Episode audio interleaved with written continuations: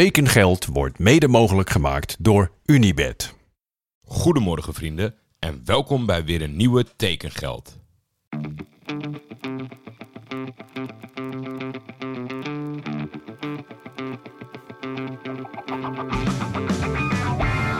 Waar gaat Hildeman naartoe? kan u mededelen dat er overeenstemming is bereikt met Johan Cruijff bij Feyenoord. Navarone voor. Vandaag in andere kleuren, hè? Ja, dat zeker. Dat is wel even wennen natuurlijk. Berghuis, een van de meest besproken transfers ooit, denk ik.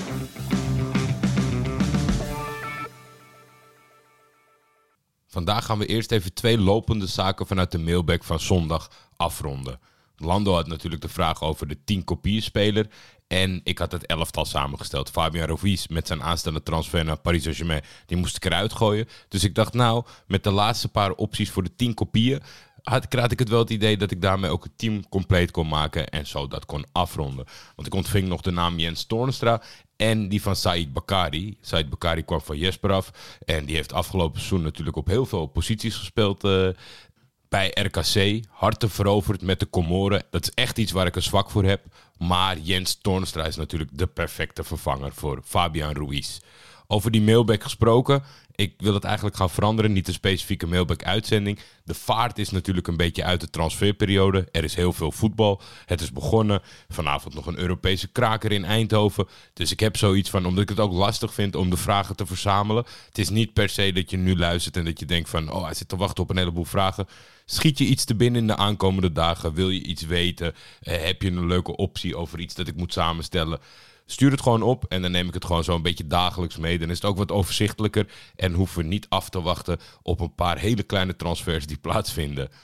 Dan nog even over de samenwerking met Bird Brewery. Het pils vliegt over de toonbank, waarvoor dank luisteraars. En de antwoorden op de vraag met welke afgekapte transfer ben jij wel eens blij gemaakt met een dode mus, stromen binnen. Instagram, Twitter, mailtjes. Ik probeer het zo goed mogelijk te verzamelen. Ik heb met Joppe van Bird Brewery afgesproken dat hij als neutrale scheidsrechter zal optreden en de winnaar aan mij gaat doorgeven. Jullie kunnen ze blijven insturen tot vrijdagmiddag, laten we zeggen zo'n uur of drie. Eh, dan kan ik het nog wel een beetje overzichtelijk houden om uiteindelijk in de aflevering van vrijdag de winnaar bekend te maken. Daarnaast blijft de kortingscode tekengeld natuurlijk gewoon geldig voor het bierpakket. Dat is samengesteld door de Bird Brewery. Ik heb mijn pakket vanmiddag bij House of Bird opgehaald en het was een goede inschatting dat dit een mooi samengesteld elftal bier zou zijn. Vanaf morgen, want ik ben natuurlijk solidair met de snelle bestellers, die krijgen een morgenpas, wil ik de biertjes gaan reviewen, waarschijnlijk per linie, zodat we daar ook gezamenlijk over kunnen bomen. De link naar het pakket staat in de omschrijving van de uitzending. Dan de transfers van vandaag. Haris Mendunjani gaat spelen voor Zwolle. Hij keert na zes jaar terug uit Amerika.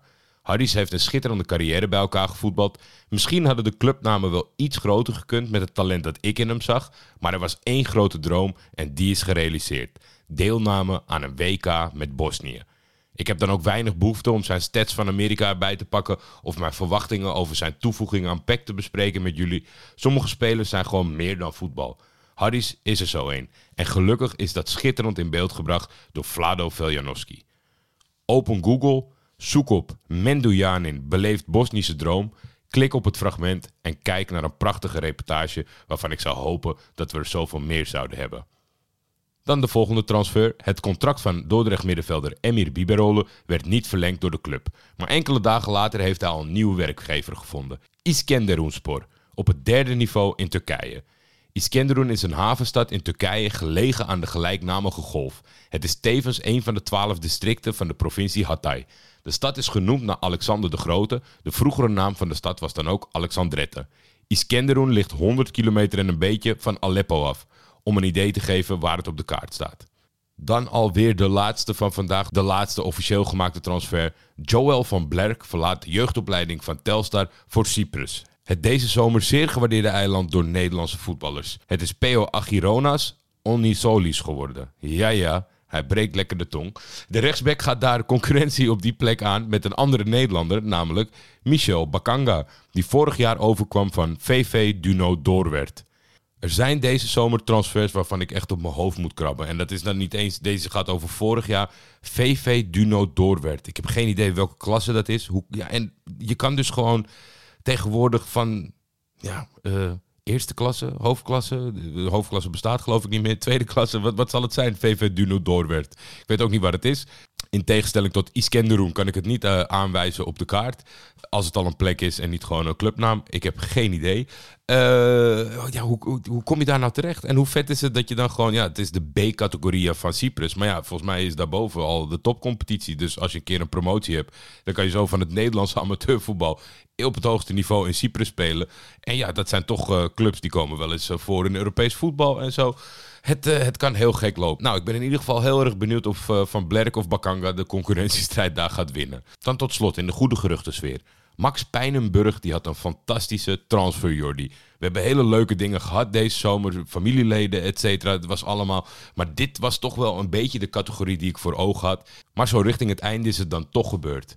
Michael de Leeuw, twitterde hij, letterlijk onderweg van FC Groningen naar Willem II. Zit nu met hem in de trein naar Tilburg. Hij is bepakt en bezakt met een grote koffer en een robijrugzak met nummer 8. En verhuld achter een zonnebril en een petje. Ja, dat zijn ze wel hoor. En uh, daarna kwam er nog uh, fotobewijs. Hij is wel betrapt, Max, tijdens het nemen van de foto. Ik had niet het idee dat Michael erop zat te wachten dat hij vastgelegd ging worden. Aan de andere kant denk ik, Michael de Leeuw, als je dit misschien hoort, ja, misschien niet in een volle trein gaan zitten als je een stiekeme transfer wil maken. Kijk, ik vind dat iedereen uh, zijn privacy verdient, et cetera. Maar als jij als bekende voetballer, zeer bekende voetballer in Nederland... Uh, waar ook de laatste dagen natuurlijk uh, veel geruchten over zijn in het voetbalnieuws... In een, in een volle trein gaat zitten, ja, dan kan je niet boos worden dat iemand dan kan je niet boos worden dat er een voetballiefhebber in die trein zit. Ja, uh, Max, uh, gefeliciteerd met je scoop. Er waren mensen die gingen twijfelen over zijn eindbestemming. Ik geloof dat Max zelf nog ter controle even snel is uitgestapt in Tilburg om zijn eigen verhaal te factchecken. Max, bedankt voor deze bijdragers. We hebben ervan genoten. En dan nog een leuk concreet gerucht dat vanmiddag naar buiten kwam. Fortuna Sittard is niet de enige club die geïnteresseerd is in Turken, maar ook Ajax. Ajax schijnt voor een redelijk heftig bedrag voor Turkse begrippen Ahmet Can Kaplan over te gaan nemen van Trabzonspor. Ahmed Jan is een 19-jarige centrale verdediger, linksbenig en heeft afgelopen seizoen bij kampioen Trabzonspor verrassend veel minuten gemaakt. En dat zeg verrassend veel. In Nederland zijn we natuurlijk gewend dat een 19-jarige gewoon mee kan komen met het eerste elftal. Maar in Turkije is dat niet zo, dus dan weet je altijd wel dat het talent is. Want anders gebeurt dit eigenlijk niet. Zeker niet in de fase, want hij speelde richting het einde van het seizoen. Toen ging het er natuurlijk echt om. En daar heeft hij echt wel wat wedstrijden al 90 minuten gespeeld is hij afgelopen seizoen tot 13 optredens in de hoofdmacht gekomen in de competitie. En ook in de beker kreeg hij veel speelminuten. Het is allemaal nog wat weinig om er echt een oordeel over te geven. Ik begrijp dat dan ook niet op Twitter. Dan geef je gewoon globaal wat context bij zo'n tweet. Omdat je weet dat een heleboel mensen gaan vragen van... ken je hem, weet je er wat van? Ik heb al duizend keer uh, in deze loopbaan aangegeven dat ik niet geïnteresseerd ben in jeugdvoetbal. Daar heeft hij natuurlijk al enorm veel gespeeld. Daar zijn ook de YouTube-filmpjes van. Dat zijn confrontaties tegen Besiktas Galatasaray op onder 19 niveau. Hij is jeugdinternational. Ik, mijn referentiekader is de wedstrijden die ik gezien heb ik kan me herinneren bij Galatasaray dat er nood aan de man was. En dat er echt, uh, Fatih Terim had iedereen en alles al naar achteren gehaald. Maar ja, op een gegeven moment kon hij niet anders dan een jeugdige speler toepassen. Dat was Ozan Kabak. Die maakte gigantische indruk. Ik heb hem eh, binnen drie, vier wedstrijden de Turkse de licht genoemd. En ik moet zeggen dat, ja, maar misschien was het zijn fysieke voorkomen of, of dat hij precies was wat ik wilde. Maar ik had het idee dat hij iets meer impact maakte bij zijn eerste wedstrijd op het hoogste niveau. En als we nu kijken zeg maar, naar Ozan Kabak, hoe het is verlopen.